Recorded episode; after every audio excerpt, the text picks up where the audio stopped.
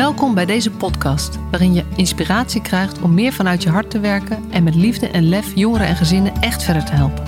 Voel je waarde, voel de passie voor je vak, voel je professional vanuit je hart.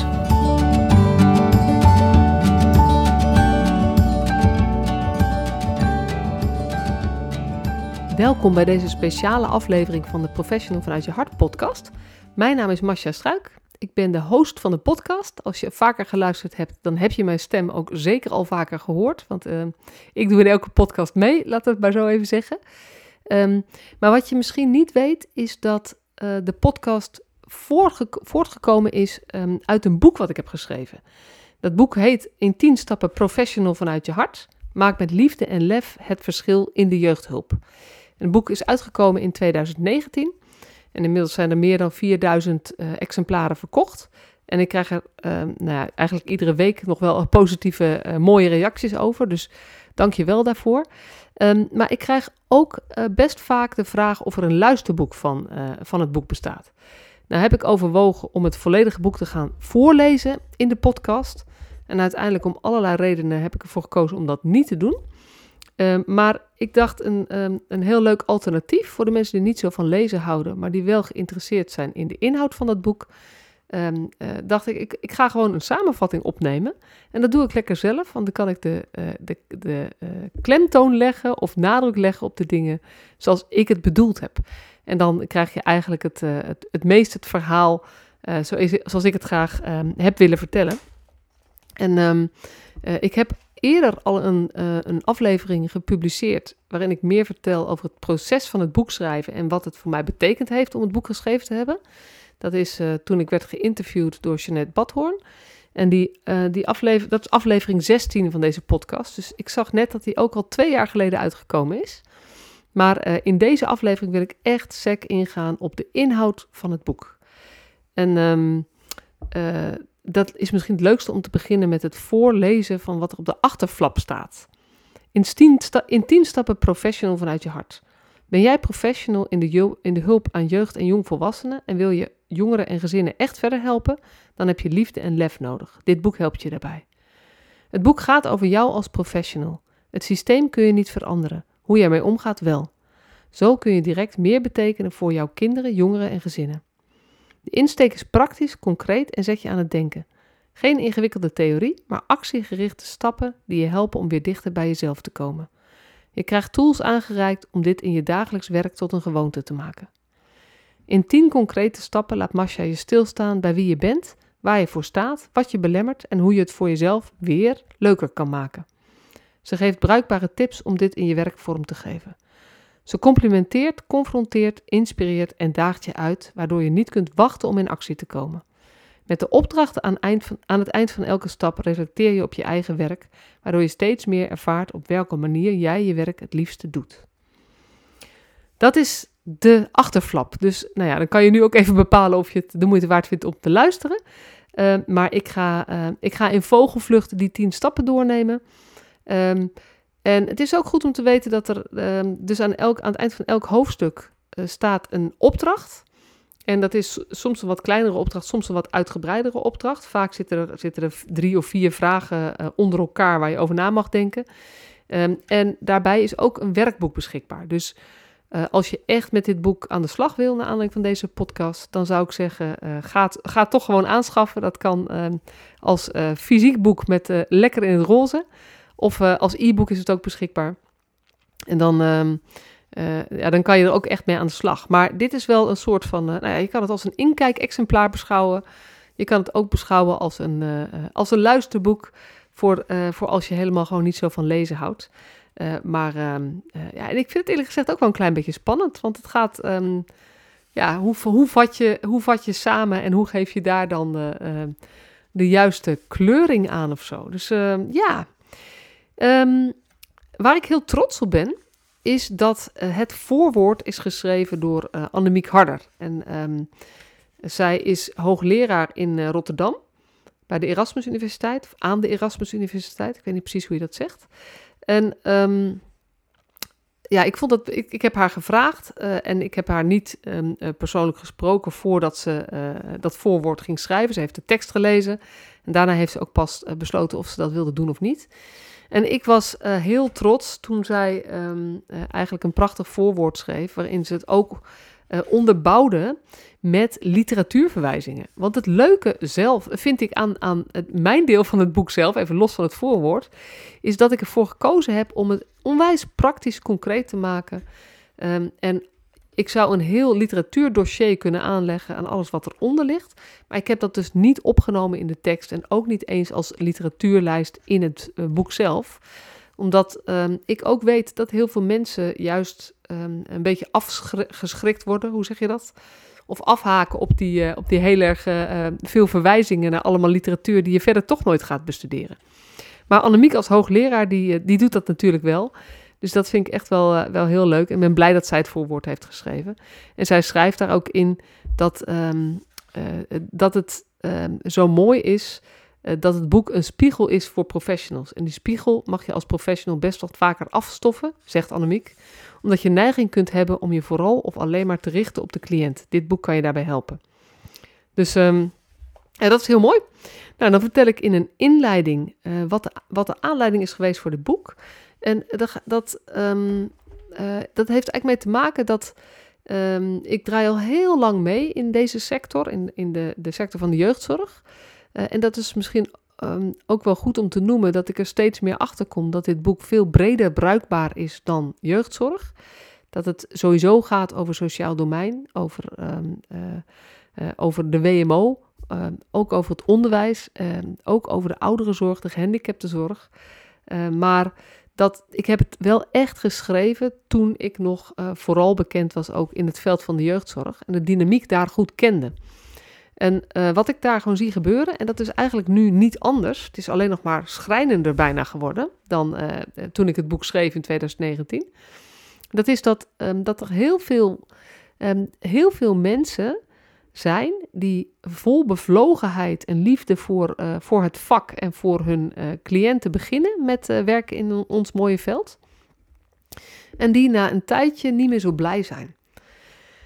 En dan heb je eigenlijk drie opties. Dan heb je mensen die de sector weer verlaten. Nou, dat, dat, we weten allemaal dat er, dat er een hele hoge uitstroom is. En ik begrijp het ook, daar gaat het niet over. Maar ze verlaten de sector. Um, of ze vlakken af. En dat betekent eigenlijk dat je gaat doen wat je moet doen. Maar dat je niet meer de professional bent die je zelf graag zou willen zijn. Als je dieper, uh, als je er wat meer bij stilstaat. Of dat je ook niet de hulpverlener bent die je zelf, zeg maar, uh, die je zelf op bezoek zou willen krijgen. De, dienstverlener, de hulpverlener. Um, en je hebt een derde groep mensen die, die voelen dat het niet werkt zoals het moet binnen dit systeem. Maar er ook niet echt mee om kunnen gaan hoe het dan wel moet. Dus die raken een soort van verstrikt, krijgen stressklachten, uh, burn-out klachten en, um, en die, die worden ziek. En um, dan is er nog een vierde groep die op de een of andere manier zich um, binnen dit systeem uh, zo weet te, het is meer dan redden, zo weet te opereren of zo weet te handelen of zo zijn weggetjes weet te vinden, dat die hun werk nog steeds met plezier doen en nog steeds veel verschil maken voor jongeren en gezinnen. En die ook relatief weinig last lijken te hebben van al die shitzooi van het systeem. En um, het doet mij echt verdriet om te zien hoeveel mooie, bevlogen mensen hun eigen uh, zielsmissie kwijtraken. Omdat het systeem gewoon soms zo tegenwerkt. En ik gun alle, um, dus ik gun professionals dat ze gewoon weer werken op een manier waar ze zelf gelukkig van worden. En ik gun ook um, de jongeren, de gezinnen, uh, de mensen bij wie je op bezoek komt uh, als je vanuit het WMO of sociaal domein komt. Um, die gun ik ook dienstverleners of hulpverleners die daar met bezieling zitten. Want uh, ik geloof alleen maar dat dat de manier is waarop je mensen verder kunt helpen. Dus, dus mijn grote missie, mijn grote droom is um, om mensen te helpen om weer meer vanuit hun hart. Want daar, daar zit toch die, die, dat verschil voor mij tussen een hulpverlener die, um, uh, die nou ja, zijn werk doet op een manier dat het acceptabel is, of een hulpverlener die echt verschil maakt. Voor mij gaat het heel erg over: durf jij je mens zijn mee te nemen? Uh, en ben je daar echt zelf met volle aandacht voor de mensen die je verder wil helpen, met oog voor hen en met oog voor jezelf. Want die drie, de, nou, die groepen die ik dan beschreef, zeg maar, je hebt een deel die gaat gewoon weg. Nou, eigenlijk zorgen die nog het best voor zichzelf. Maar het deel, degene die afvlakken of degene die ziek worden, ergens raak je het contact met jezelf kwijt. En ehm, dat contact met jezelf is gewoon je levens, ja, levensadem bijna. Uh, want dat maakt het verschil um, uh, om. Dat zorgt dat je, dat je voor anderen ook echt iets kunt betekenen. Daarvoor moet je wel in, in verbinding zijn en blijven met jezelf. Dus als ik dit boek helemaal plat sla, dan zeg ik altijd: het is een soort zelfhulpboekje voor professionals. En daar doe ik ook weer niet helemaal uh, recht mee, maar dat klinkt wel lekker uh, makkelijk. Er zit van alles in vanuit, um, vanuit gewoon jeugdzorgkennis. Ik heb veel kennis over de sector en over de dynamieken en over de, uh, ook over de, de, cliënten met, met wie je werkt. Ik, ik kom ook echt uit de praktijk. Ik heb ook veel gedaan met persoonlijke ontwikkeling, dus dat hoor je er ook doorheen. En ik heb veel gedaan uh, inmiddels met, met ondernemerschap. En daar zitten gewoon wat wijze lessen in, waarvan ik denk dat we er met z'n allen best wel van zouden opknappen. Dus um, dat is eigenlijk de aanleiding voor mij om het boek te schrijven. En toen ben ik um, eigenlijk gaan, gaan bedenken van nou, als je nou uh, zo iemand hebt die ondanks alles wat er speelt, want er speelt enorm veel qua uh, uh, nou ja, systeemdruk, zeg maar, alles wat je moet doen, maar waar je niet het gevoel hebt dat je daar ooit voor gekozen hebt. Er speelt veel rond um, beeldvorming, rond de jeugdzorg en sociaal domein. Er zit ontzettend veel gelddruk en geldstress bij heel veel mensen en heel veel organisaties, die ook maakt dat er, um, nou ja, dat er een, een hele vervelende, uh, continu gevoel van tekortschieten is bij iedereen op alle fronten. En dat het bijvoorbeeld gaat over CCT, waar jij denkt, ik wil gewoon mensen helpen. Um, en er, er zijn gewoon mensen die ondanks al die omstandigheden um, nog steeds de, hun weg vinden om het leuk te houden voor zichzelf. En die ook soms een inspiratiebron zijn van hun collega's. En die mensen heb ik een beetje in het oog gehad toen ik dit boek ging schrijven en toen, ging, toen ik ging bedenken, ook voor mezelf. Um, maar, maar wat voor proces moet je nou door? Of welke keuzes maak je nou zodat je um, uh, op een goede manier in, nou ja, binnen, binnen dit werkveld, binnen onze wereld van nu, um, uh, het, het goede te kunnen blijven doen? Dat uiteindelijk geloof ik gewoon in dat ieder mens kan verschil maken in het leven van een ander.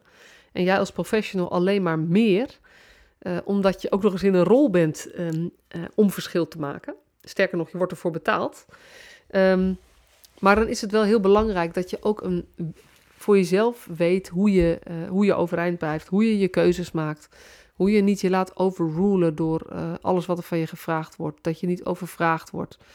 Uh, en um, ik heb dus nagedacht van wat voor proces moet je nou door of welke dingen zijn daar nou, spelen daar een rol in. En toen ben ik gekomen tot tien stappen. En ik vertel in, dat, uh, in aflevering 16 volgens denk ik ook over uh, hoe ik tot tien stappen ben gekomen. Dat is heel simpel. Ik deed mee aan een boekschrijfprogramma van een uitgever. En die boeken gingen heten in tien stappen. Dus ik hoefde niet na te denken of het 15 of 7 stappen waren. En zo denk ik er zelf ook een beetje over. Deze tien stappen zijn niet heilig, maar um, ze zijn wel een compleet verhaal en um, uh, het, het, het, geeft je handvatten om uh, mee aan uh, de slag te kunnen. Stap 1. Stap 1 is pak de regie. En daarmee bedoel ik dat als je ergens last van hebt, het altijd aan jou is om daar wat mee te doen. En dat klinkt misschien heel hard, of heel, um, uh, ja, alsof ik geen oog heb voor de omstandigheden. Maar um, het is iets wat ik in mijn eigen leven ervaren heb. Zolang je last blijft houden van de omstandigheden, bepalen ook dan bepalen de omstandigheden voor een deel hoe jij je voelt. En dat is heel lastig, want omstandigheden of andere mensen kun je niet veranderen. Je kan eigenlijk alleen maar veranderen hoe jij er zelf mee omgaat. Dus de belangrijkste keuze die je te maken hebt en de belangrijkste um, stap die je te zetten hebt, is je realiseren dat jij altijd aan zet bent. Het betekent niet dat je alles maar goed vindt wat er gebeurt, of dat je alles maar accepteert wat er om je heen gebeurt.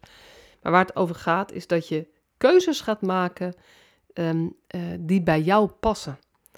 Wat doe ik wel, wat doe ik niet? Op welke manier wil ik mijn leven leiden en hoe ga ik om met dingen waar ik niet voor heb gekozen. En als je dat beter in de dagelijkse praktijk vast wil houden, want heel vaak op vakantie dan, nou ja, in ieder geval zo werkt het bij mij, dan denk je gewoon eens rustig over na en heb je tijd om te beschouwen. Maar in de dagelijkse drukte is dat zo moeilijk om, uh, om, om op ieder moment de juiste, uh, goed te weten wat je wil. Het helpt daarbij om gewoon eens even te, nou ja, uit te zoomen en in te tunen bij jezelf en je af te vragen: wie wil ik eigenlijk zijn? Waar sta ik voor? Wat is belangrijk voor mij? En welke waarden neem ik mee? En uh, daar gaat die hele stap ook over, daar gaat die oefening ook over, om daar even wat dieper op in te gaan, omdat dat mee, de, de dingen die jou gemaakt hebben tot wie je nu bent, zijn vaak ook de dingen die je meedraagt in hoe jij je toekomst wil vormgeven.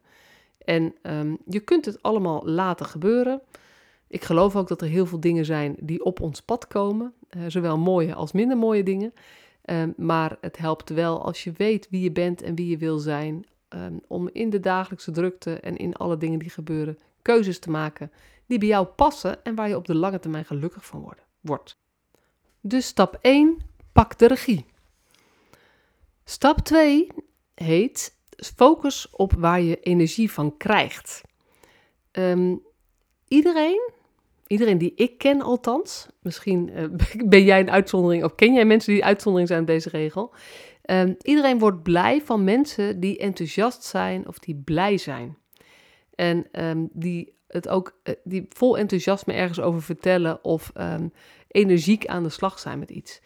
En het is heel gek. Maar op de een of andere manier, als, het, als je minder lekker in een bepaalde situatie of mindere flow zit, zie je vaak de negatieve kanten. Um, terwijl uh, negatieve kanten en ga je daar meer nadruk op leggen. Uh, terwijl dat nou precies is wat je in een soort van down the drain gevoel kan trekken. Dus vandaar dat ik het um, uh, als stap 2 heb gezegd: focus op waar je energie van krijgt. Als het gaat over het voorkomen van burn-out en stress, is het belangrijkste niet het voorkomen van stress, want stress hoort ook gewoon bij het leven. Maar het belangrijkste is dat je voldoende oplaat. En je laat op als je dingen doet waar je energie van krijgt. Uh, en van slapen, heel belangrijk. Echt uitrusten. Daar moet ik zelf nog wel wat in leren om ook je hoofd af en toe uit te zetten. Maar in ieder geval kun je een keuze maken in de activiteiten die je, uh, uh, die je onderneemt. En dat gaat zowel binnen je werk als buiten je werk. Dus het, een voorbeeld is, um, als jij energie krijgt van uh, met vriendinnen of vrienden op, op het terras gaan hangen.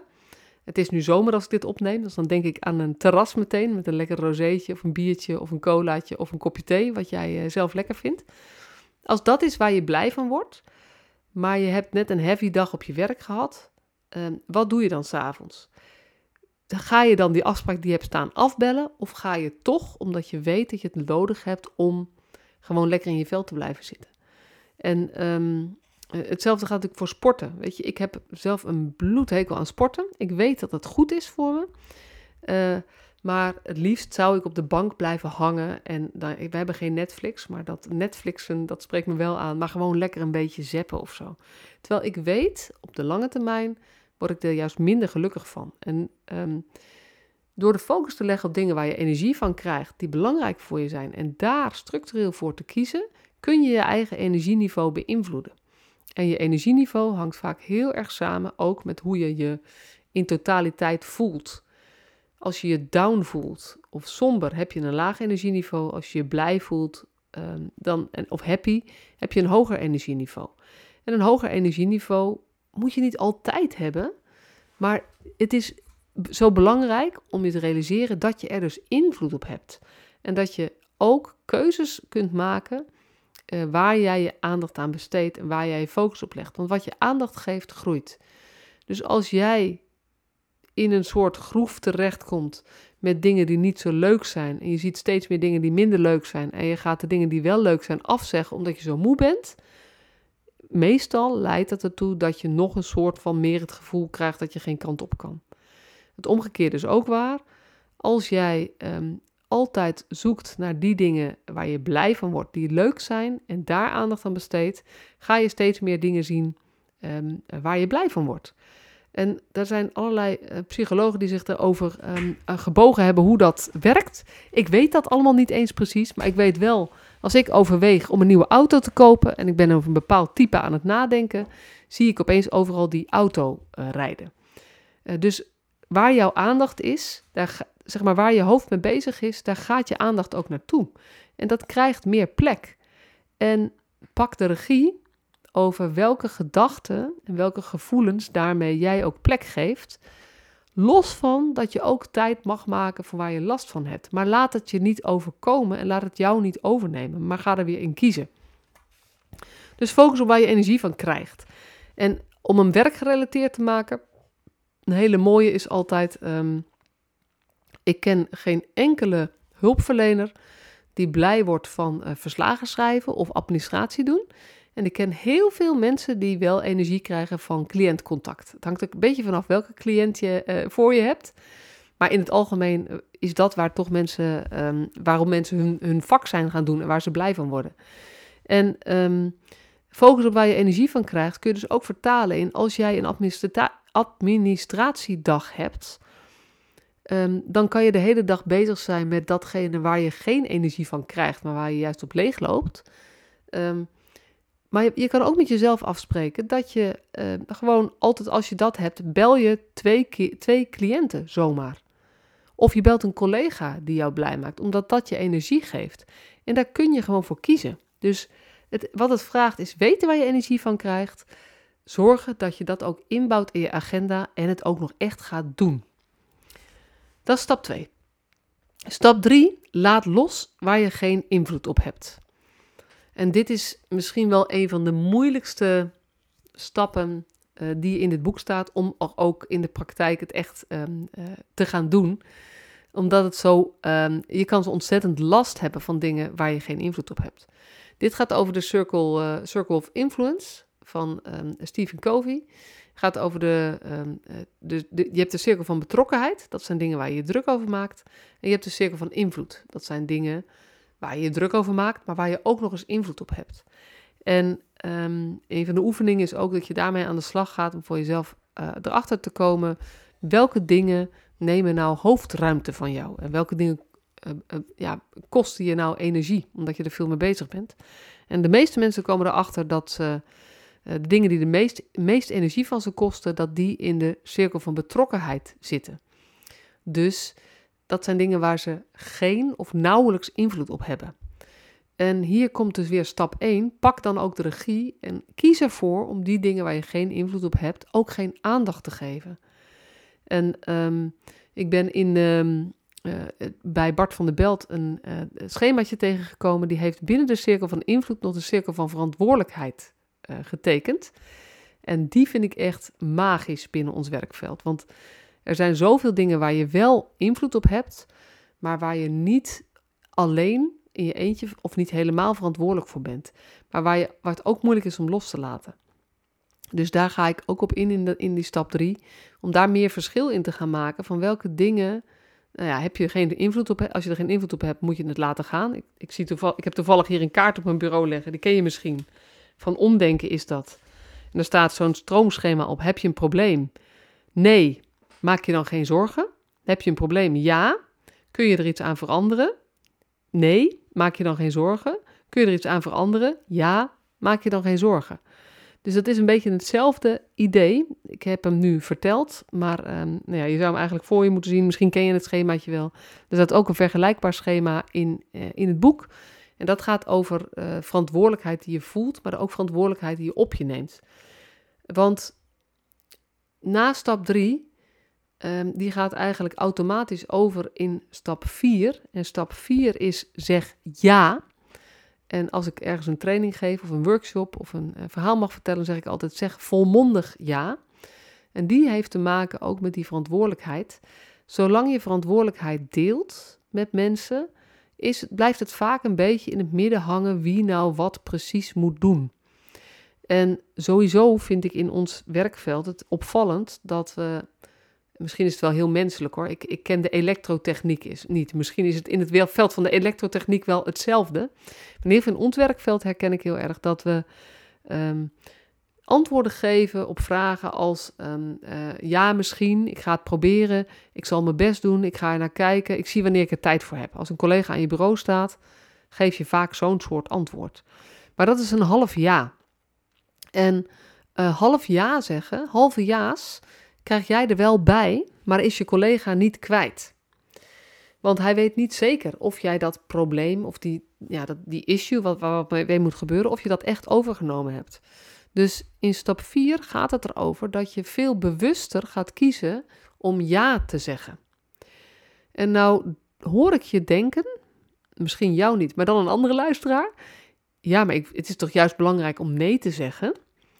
Mijn um, visie daarop is dat uh, het een bijna onmogelijke opdracht is voor een hulpverlener of dienstverlener um, om nee te zeggen tegen iemand die zijn hulp nodig heeft. Want je hebt niet voor niks dit vak gekozen, je bent hier niet voor niks ingerold. Um, je wil graag mensen helpen. En nee zeggen als iemand wel een probleem heeft, is heel erg lastig, omdat het, ja, dat, dat strookt niet met wie je bent of zo. Dus ik zou heel graag het accent willen verleggen naar volmondig ja zeggen.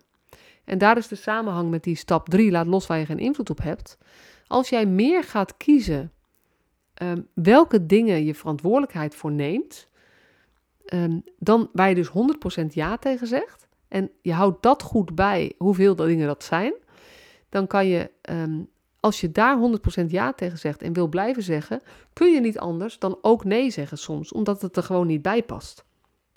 En ik heb ja, ergens in het begin denk aflevering, ik weet niet, helemaal in het begin, drie, vier, vijf of zes, ik denk drie of vier, uh, heb ik ook hier een, een wat uitgebreidere aflevering opgenomen. Toen heeft Mirjam Hegger mij geïnterviewd.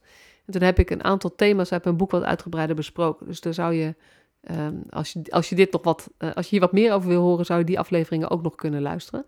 Dat zijn de afleveringen 2 tot en met 6. Dus stap 4 is zeg ja.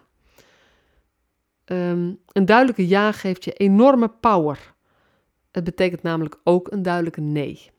Voor iedereen die moeite heeft met grenzen stellen of die vaak het gevoel heeft dat hij vaker nee zou moeten zeggen, dit is echt een game changer. Dit kan echt het, uh, de hele dynamiek rond dat ja of nee zeggen veranderen. Dus ik ben benieuwd. Als je er wat aan hebt, laat, ik, laat, je, uh, laat me vooral weten.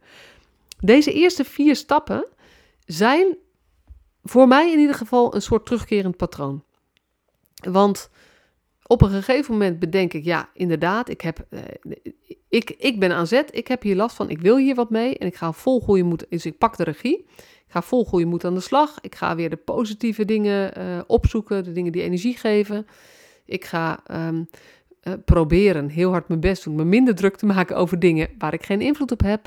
En ik ga heel duidelijk kiezen welke taken ik ga doen tot ik mezelf weer aantref in een veel te lange lijst van dingen die ik eigenlijk wel zou willen moeten doen en weinig in actie kom en last heb van mezelf, zo zou ik het maar kunnen zeggen. Van mijn lange takenlijst. Maar goed, dat, ja, die is toch ook van mij. Dus uiteindelijk heb ik last van mezelf. En dan um, inmiddels, het is altijd zo mooi als ik, uh, dat ik dit verhaal vaak mag vertellen. Want dan realiseer ik me ook van, oh ja, als ik me dus zo voel, wat ik te doen heb, is terug naar stap 1, pak de regie en ik ga dat kleine stapje weer weer door. Dat is voor mij, dit is een soort van de, de kern van het, van het procesje, wat je steeds weer door moet en waar je wel beter in kan worden, maar waar je wat nooit, volgens mij ben je daar nooit in uitgeleerd of uitontwikkeld of is het ook gewoon menselijk om uh, uh, af en toe te verzanden en dan moet je iedere keer weer je realiseren, oh ja, ik heb er last van, dan, moet ik, dan ben ik aan zet. Stap 5 heet richt je op groei. Um, dit gaat over de growth mindset en de fixed mindset. Ik weet niet of je daar wel eens van gehoord hebt. Dat is een relatief nieuwe theorie van, van Carol Dweck, heeft dat uh, voor het eerst beschreven in 2006. Um, en er is heel veel onderzoek naar gedaan. Het zijn twee manieren van aankijken tegen functioneren en tegen ontwikkeling. Een fixed mindset, dus een, een fixed, een, vaste manier van kijken, uh, is eigenlijk je hebt talent of niet.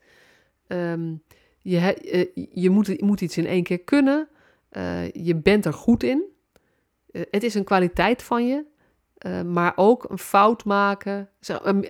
Mislukken is een fout maken. En fout maken is mislukken.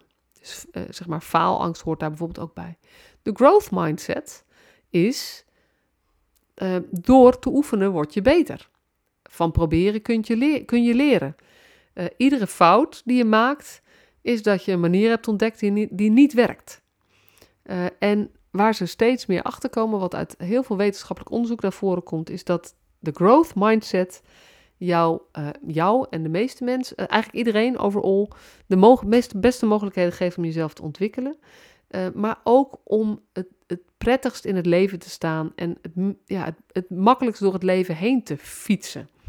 De mensen met een goede growth mindset zijn over het algemeen gelukkiger en succesvoller. Dus er is, um, het, dit gaat over, over het uitleggen wat het is, maar ook uh, het daagt je ook uit om na te denken: hey, wat, wat voor mindset heb jij? De meeste mensen zitten ergens tussenin. Hè? Je hebt natuurlijk extreme mensen die in die fixed mindset zitten, en extreme in de growth mindset. Maar de meeste mensen zitten ergens in het midden.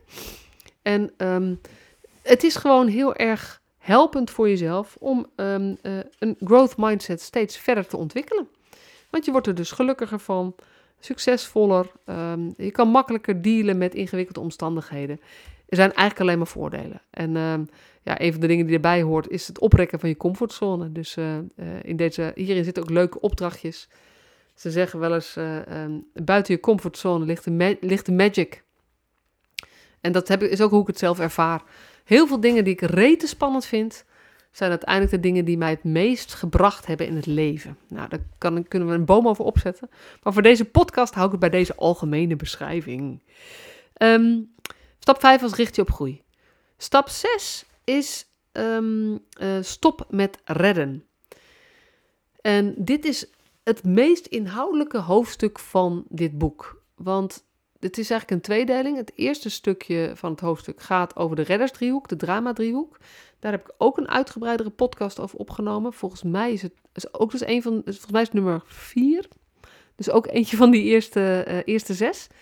Um, waarin ik die uh, drama-driehoek goed uitleg. Tenminste, andere mensen zeggen dat ik hem goed uitleg. Ik vind het altijd lastig, blijf dat lastig vinden om dat van mezelf te zeggen. Um, maar ik herken heel veel van de dynamiek van de reddersdriehoek in hoe wij in onze, um, in onze sector met elkaar omgaan, met het systeem omgaan, maar ook hoe onze hele uh, samenleving een beetje is ingericht. En dat helpt eigenlijk niemand. Daar, uh, daar ben ik wel van overtuigd. En het tweede stukje van het hoofdstuk gaat dan ook wat meer over dat het niet alleen iets is van de hulpverlener, maar dat het ook iets is wat in het systeem zit. En um, inmiddels, nou ja, mijn boek is dus ruim drie jaar geleden uitgekomen. En inmiddels heb ik er veel over gesproken. Sta ik af en toe ook eens op een podium. Ik geef veel trainingen. Ik geef uh, ook workshops.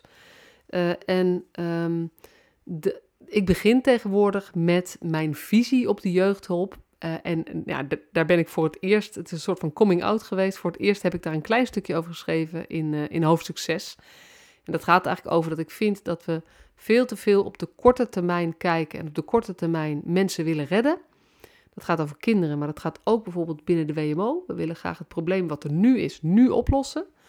Terwijl wat volgens mij nodig is, dat we wat uitzoomen en veel meer de lange termijn gaan kijken. Omdat um, je nu ziet dat heel veel van die korte termijn oplossingen die aangeboden worden, die op zich allemaal van harte goed bedoeld zijn, lang niet altijd geleid hebben tot echt een verbetering van de situatie van, uh, van iemand. En um, ja, dat, daar kan ik heel negatief verhaal over houden. Dan, en dan, dan kan ik bijvoorbeeld zeggen, uh, kijk maar naar Jojannik en de jeugdzorgtapes of naar uh, de documentaire Alicia, die voor mij daarin veel betekend heeft. Um, en ook de documentaire Jason, die er natuurlijk inmiddels is gekomen. Maar um, het is ook heel hoopgevend, want het geeft een ander perspectief. Het, waar het over gaat is dat wij als hulpverleners het gevoel hebben dat wij moeten zorgen dat het goed komt. Um, en we hebben maar beperkt invloed. Dus we moeten ons realiseren dat uh, onze rol kleiner is dan we, uh, dan we soms voelen. En ook dan de maatschappij ons graag wil. Uh, nou ja, de maatschappij wil graag die verantwoordelijkheid bij ons leggen. Maar dat kan gewoon niet. En dit is een behoorlijk inhoudelijk verhaal, dat ik hier niet helemaal kan vertellen. Maar waar het wel echt over gaat, als ik met mensen aan de slag ga, um, dan begin ik met mijn visie op jeugdhulp. Ik geloof inmiddels dat we echt op een andere manier moeten gaan kijken en dat we moeten stoppen met redden van uh, jongeren, van gezinnen, uh, van kinderen, van ouderen, maar dat we eigenlijk die mensen allemaal uh, veel meer moeten bijstaan en moeten helpen. Hoe kun jij je eigen leven vormgeven? En met een kleine disclaimer natuurlijk, er zijn situaties waar je echt moet ingrijpen en waar je echt een kind of een oudere, soms oudere mishandeling komt ook voor. En dan gaat het erom dat we zo snel mogelijk na die interventie, die soms nodig is, ehm, dat we de regie weer teruggeven aan de persoon um, uh, zelf. En dat is natuurlijk als het een kind uh, onder de acht of onder de vijf betreft, nee, ja, niet zomaar makkelijk te doen. Maar dat is, dat is een wat meer inhoudelijk gesprek. En dat wil ik even voor nu, uh, voor deze podcast laten zitten. Vind ik wel een heel tof gesprek trouwens. Maar ik ben bezig met de samenvatting van mijn boek. En dit staat ook nog niet in mijn boek. Dus uh, wie weet komt er nog eens een vervolg waarin ik meer op dit thema inga. Maar dat is wel um, uh, mijn grote missie, is ook hierin iets te betekenen dat we met z'n allen anders gaan kijken en dat we daarmee ook het rendement van alles wat wij investeren in, um, uh, in hulp, in ondersteuning, in support, uh, dat dat ook duurzame um, zorg is. En nou ja, ik weet dat dat helaas gewoon niet altijd zo is, terwijl de mensen die die hulp dan bieden wel van harte hun best hebben gedaan. Dus um, er is nog winst te halen en voor mijn gevoel heeft dat te maken met uh, meer de lange termijn centraal stellen. Dat was een korte samenvatting. Stap 7 zijn wij aanbeland. En stap 7 is verbind je met de ander. En dat is eigenlijk het tweede belangrijke hoofdstuk uh, uh, uit. Er zijn, er zijn eigenlijk drie hoofdstukken die voor mij het, het, meest uh, ja, vernieuwend zijn, of het meest de kern samenvatten. En dat is dus stap 6, stop met redden. Dat is deze, verbind je met de ander. En het is stap 4, dat volmondig ja zeggen. Omdat dat ook een, echt een ander accent geeft dan, uh, dan we het nu heel vaak doen. Maar verbind je met de ander gaat voor mij over. Um, er staat ook een, een plaatje in met twee poppetjes. En daar zie je, die zie je tegenover elkaar staan. En die willen contact maken. En je kan hoofd tot hoofd communiceren en hart tot hart communiceren.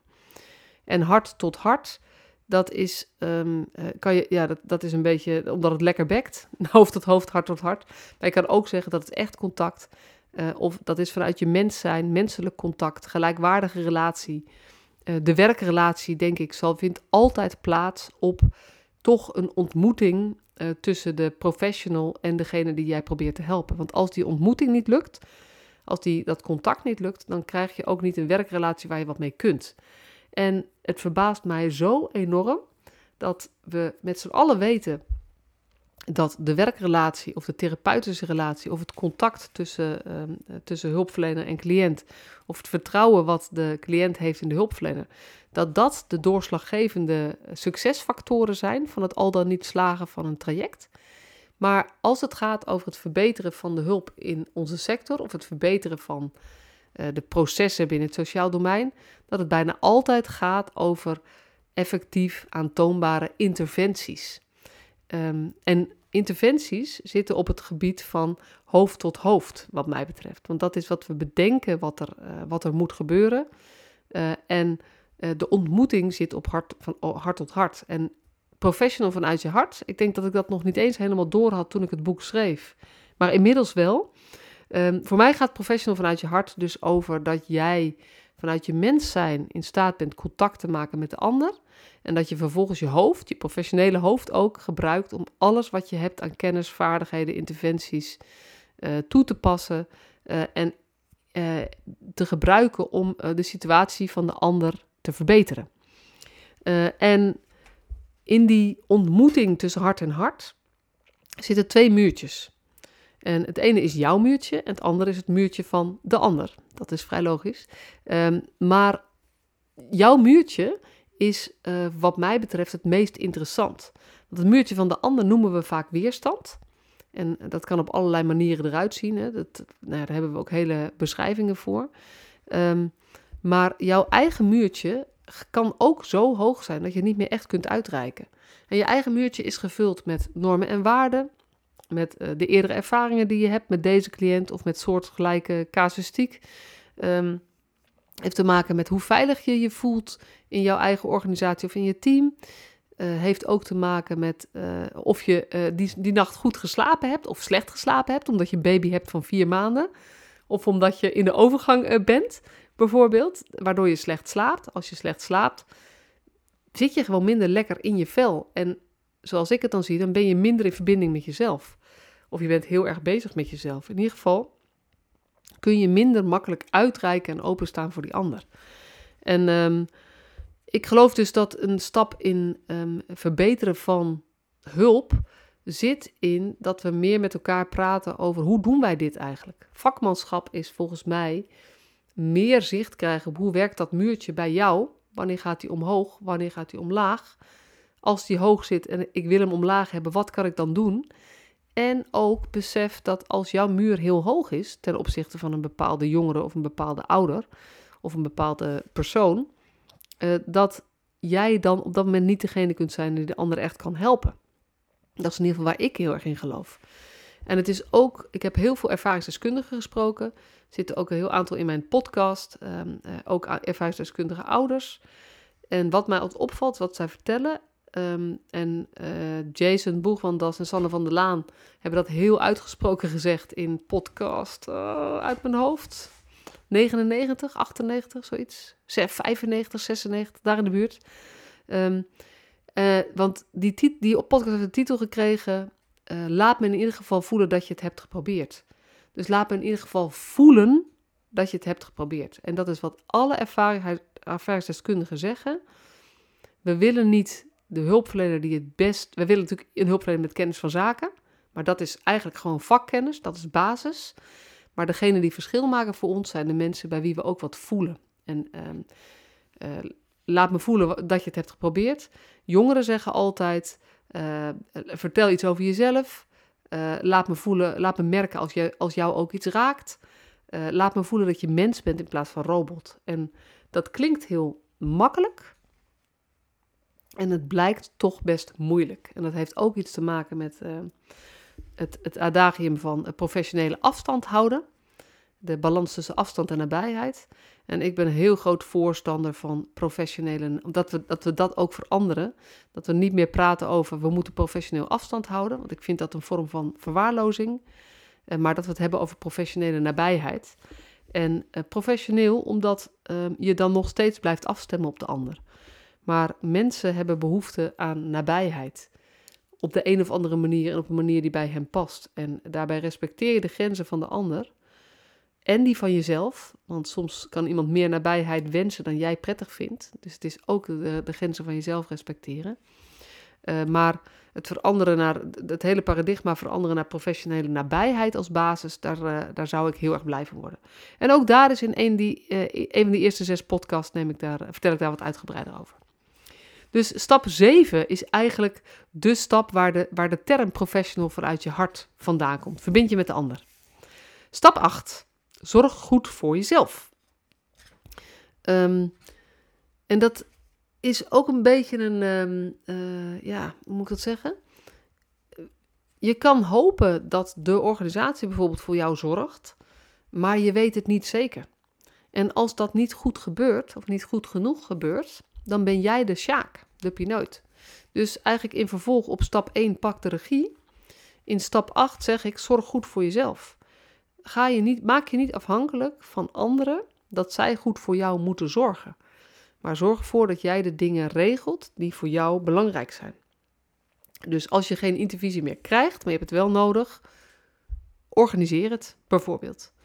Uh, dus dat is eigenlijk, dat is eigenlijk ene uh, iets. En het gaat ook over prioriteiten stellen. Het gaat over dingen bespreken. Het gaat over hulpmiddelen uh, gebruiken.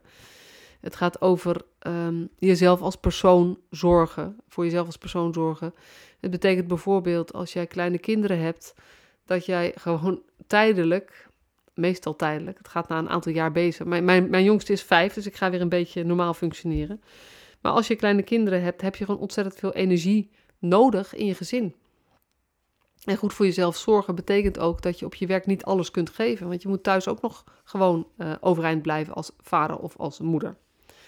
Um, en zorg goed voor jezelf gaat ook over dat ik natuurlijk. Um, ja, in deze podcast komt dat iets minder naar voren, denk ik. Maar misschien voel je het er wel doorheen, of in andere podcasts zeker ook wel. Ik hou er wel erg van dat professionals um, uh, de regels een beetje, nou ja, niet zozeer breken, maar wel oprekken. dat in ieder geval de protocollen niet leidend zijn en dat je daar ook niet door laat afremmen. Dus dat je in die zin het lef ook hebt om de dingen te doen waar jij echt in gelooft, waarvan jij echt denkt, ja, dit is van waarde voor dit gezin. En daarin staat de beroepscode, uh, staat achter je. Of jij staat achter de beroepscode, of hoe wil je dat ook zeggen? Want dat is eigenlijk je beroepscode, dat je moet doen waarvan jij overtuigd bent dat dat het beste is voor het gezin. Maar we leven in een tijd waarbij ehm, professionals die uitzonderingen maken op de regel kwetsbaar zijn. En dan heb ik het over klachtrecht, heb ik het over tuchtrecht. Ehm, en ja, daar, daar, ik weet nog niet, ik vind het heel ingewikkeld wat ik daar precies van moet vinden. Maar in ieder geval zorgt het ervoor dat heel veel mensen veel meer in een soort van keurslijf terechtgekomen zijn, professionals, waar ze zichzelf ook niet fijn in voelen. Dus ik, uh, ik daag mensen altijd uit, ga lekker dat keurslijf een beetje oprekken, zodat je zelf weer wat meer aan het werk bent op een manier die bij jou past. Maar zorg er wel voor dat je, uh, dat je niet je hoofd op het hak, hakblok legt. Dus zorg goed voor jezelf. En uh, dat betekent ook uh, wat ik net eigenlijk zei. Um, als jij afwijkt van de protocollen en de gebruikelijke gang van zaken, dan um, in het belang van jouw cliënt, dan word ik daar super blij van. Mits jij ook ervoor zorgt dat je het met de juiste personen op het juiste moment besproken hebt en het hebt opgeschreven. Want ik zou het echt verschrikkelijk vinden als iemand op basis van mijn boek of mijn podcast, of waar ik, dat, dat ze me ergens hebben horen spreken, dat ze denken: oh, maar ik wil echt, ik ga nu iets doen wat echt buiten de protocollen ligt. En dat is alleen maar goed voor deze jongere of dit gezin, die uiteindelijk voor de tuchtrechter komt te staan, omdat hij um, het onvoldoende goed heeft gedocumenteerd. Dus zorg goed voor jezelf, juist als jij um, een beetje buiten de lijntjes gaat kleuren of uh, de kleurplaat wat gaat uh, veranderen. Dat uh, lijkt mij, nou, vind ik gewoon echt heel belangrijk en dat zou ik je echt willen vragen, want jij mag niet de dupe worden van het feit dat je iets goeds doet voor, voor een cliënt, voor een jongere, voor een ouder, voor een, voor een gezin. Stap 9. We zijn er bijna, hè? Stap 9. Maak slimme keuzes met je tijd. Dit gaat over de Eisenhower matrix. Heb je misschien wel eens bij een, een, uh, weet ik, een, een tijdsmanagement, uh, time management cursus of zo van gehoord. Gaat over wat is urgent, wat is belangrijk. Krijg je een matrix van vier vakken. En denk er nou eens over na hoe jij je dag indeelt en hoe jij tijd maakt voor dingen die belangrijk voor je zijn. En dat de dingen die, um, uh, die niet zo belangrijk zijn, dat die ook niet zoveel tijd van je vragen. Dus uh, het vraagt eventjes uitzoomen van je werkdag en kijken hoe je de dingen voor jezelf hebt georganiseerd, hoe je dingen als team hebt georganiseerd en welke keuzes jij daar vervolgens in hebt en in maakt. En slimme keuzes maken gaat ook bijvoorbeeld over uh, hoe doe jij de dingen die je toch moet doen.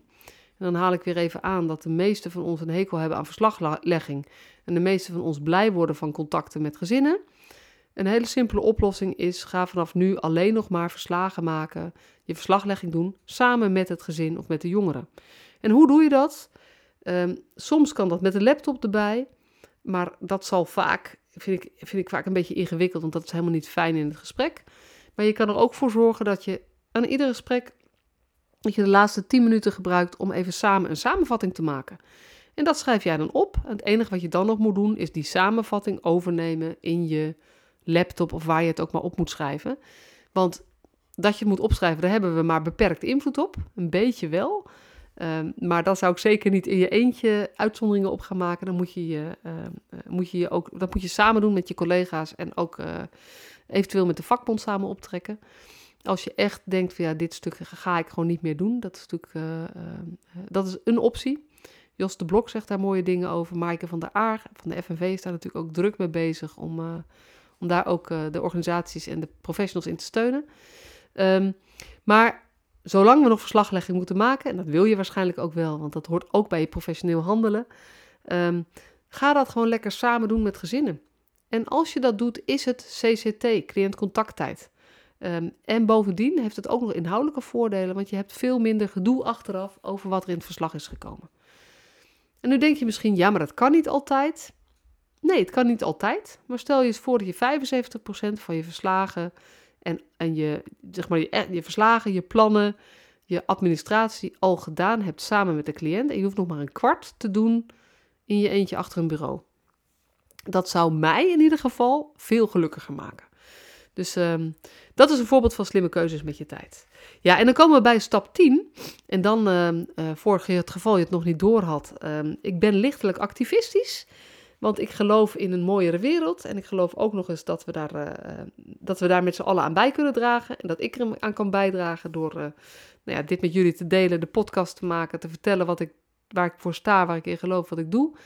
En ik denk dat we vooral met heel veel mensen moeten laten zien dat het ook gewoon heel simpel een beetje mooier kan. Dus stap 10 heet Go for it en maak het verschil. En dat gaat eigenlijk over uh, dat het heel leuk is om zo'n inspirerend boek te lezen. Maar hoe zorg je er nou voor dat het niet bij inspiratie blijft, maar dat je ook in de actie gaat? En dat je niet alleen week 1 in de actie gaat, maar dat je dat ook wat langer volhoudt. Dus het gaat over de kracht van gewoontes. Het gaat over de kracht van uh, gelijkgestemden opzoeken. Het gaat over de, uh, de verbinding die je kunt maken met mensen bij, die met dezelfde thema's bezig zijn. Het gaat over zelfontwikkeling. Het gaat, over dat jij op zoek gaat naar wat heb jij nodig om lekker in die flow uh, te blijven. Want heel simpel gezegd, um, een blije professional is een betere professional. Een blije moeder is een betere moeder. Een blije vader is een betere vader. Ehm, een blije zoon is een betere zoon. Hoewel ik me dan een beetje in een ingewikkeld parket begeef. Dan komen we over paratificatie, zeg maar bijna. Maar op het moment dat jij mantelzorger bent, dan helpt het ook als jij zelf lekker in je vel zit. Kun je op een betere manier voor je ouders zorgen. Of voor je tante, of voor je oma, of, of wie dan ook, zeg maar. Dus er is mij veel aan gelegen om te zorgen, uh, om jou te, te bemoedigen bijna, uh, te helpen om uh, zelf lekker in je vel te zitten. Uh, want als jij zelf lekker in je vel zit, kun je meer betekenen voor andere mensen. En zo maken we samen de wereld mooier. Um, en um, wat nog in mijn boek eigenlijk niet naar voren komt, maar waar ik de laatste tijd veel, uh, veel mee bezig ben, is, uh, is um, een aantal dingen die ik zeg zijn best wel fundamenteel. En tegelijkertijd geloof ik niet in een radicale ommezwaai, want er gaat ontzettend veel goed. Heel veel mensen werken met veel plezier, grotendeels, uh, en, en zijn ontzettend goede hulpverleners. Dus moet het dan helemaal anders? Nee hoor, helemaal niet. Laten we vooral behouden wat we al goed doen. En op zoek gaan naar die 5% waarbij we nog net iets meer kunnen bijdragen. En dat is ook heel erg mijn insteek. Er gaat al zoveel goed, laten we daarop voortborduren. Maar er zijn altijd dingen die beter kunnen.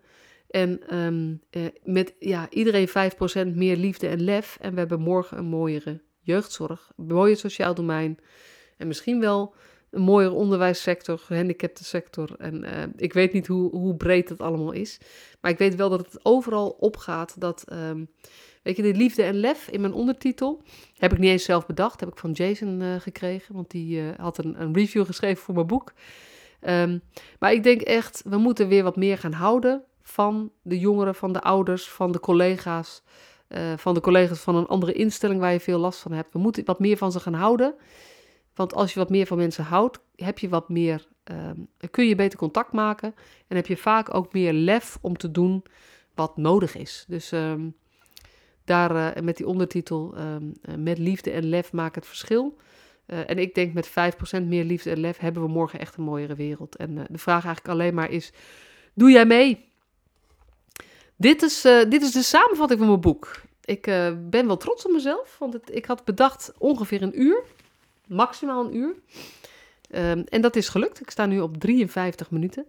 Mocht je nou um, geïnspireerd zijn geraakt, geïnteresseerd zijn geraakt in dit boek, dan uh, kun je het met korting bestellen.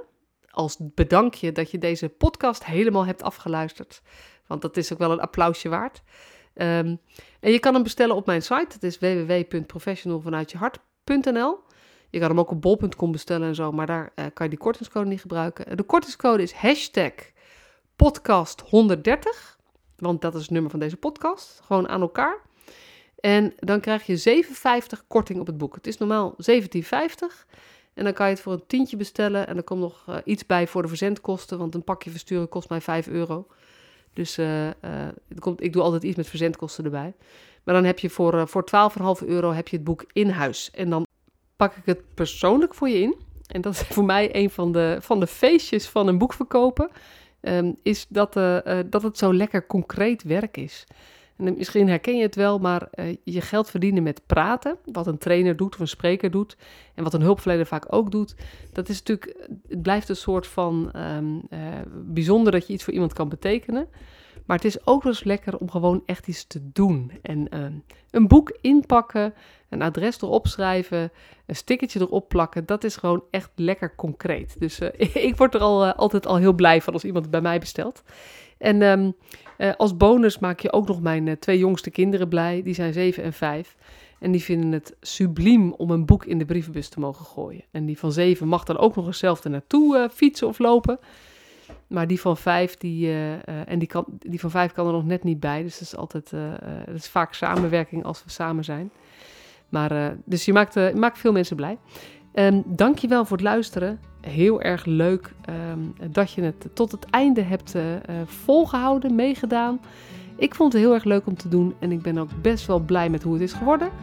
Uh, dus uh, ik ga me lekker verder voorbereiden op mijn vakantie. Want het is nu eind juli en uh, mijn, mijn, vakantie begint bijna. Dus ik, ik, ik wens mezelf een hele goede vakantie en ik wens jou een hele mooie dag.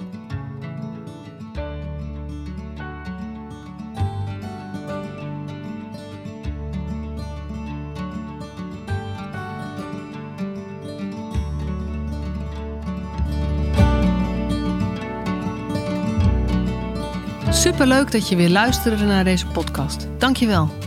Nog even kort een paar belangrijke dingen. Ten eerste, het is mijn missie dat de jeugdhulp weer een sector wordt waarin bevlogen, liefdevolle professionals jongeren en gezinnen echt verder helpen. Daarom maak ik deze podcast voor jou. Wil jij deel uitmaken van deze beweging van Professional vanuit je hart, waarin professionals elkaar steeds opnieuw inspireren? Begin dan met het lezen van mijn boek. Je kunt de eerste hoofdstukken helemaal gratis lezen. Ga naar professionalvanuitjehart.nl/slash boek. Ten tweede, wil je alle podcastafleveringen overzichtelijk onder elkaar? Abonneer je dan op deze podcast. Klik in je podcast-app op de button subscribe of abonneren. En elke keer als er een nieuwe podcastaflevering gepubliceerd wordt, ontvang je automatisch een berichtje. Ten derde, ondersteun je mijn missie? Geef me dan een review via je podcast-app, bijvoorbeeld iTunes of Spotify. Op die manier kan ik nog meer professionals bereiken. En ken je een collega voor wie deze podcast ook interessant is? Dan zou het super zijn als je hem of haar de podcastaflevering doorstuurt. Bijvoorbeeld door de link te kopiëren via Spotify. Ik vind het altijd heel leuk om berichtjes te ontvangen van luisteraars om te horen wat je van een podcast vindt, of als je misschien vragen of suggesties hebt. Of als een aflevering je een bepaald inzicht heeft gegeven of er iets in beweging is gekomen. Stuur me dan even een berichtje op masha.professionalvanuitjehart.nl via de website of stuur me een connectieverzoek op LinkedIn.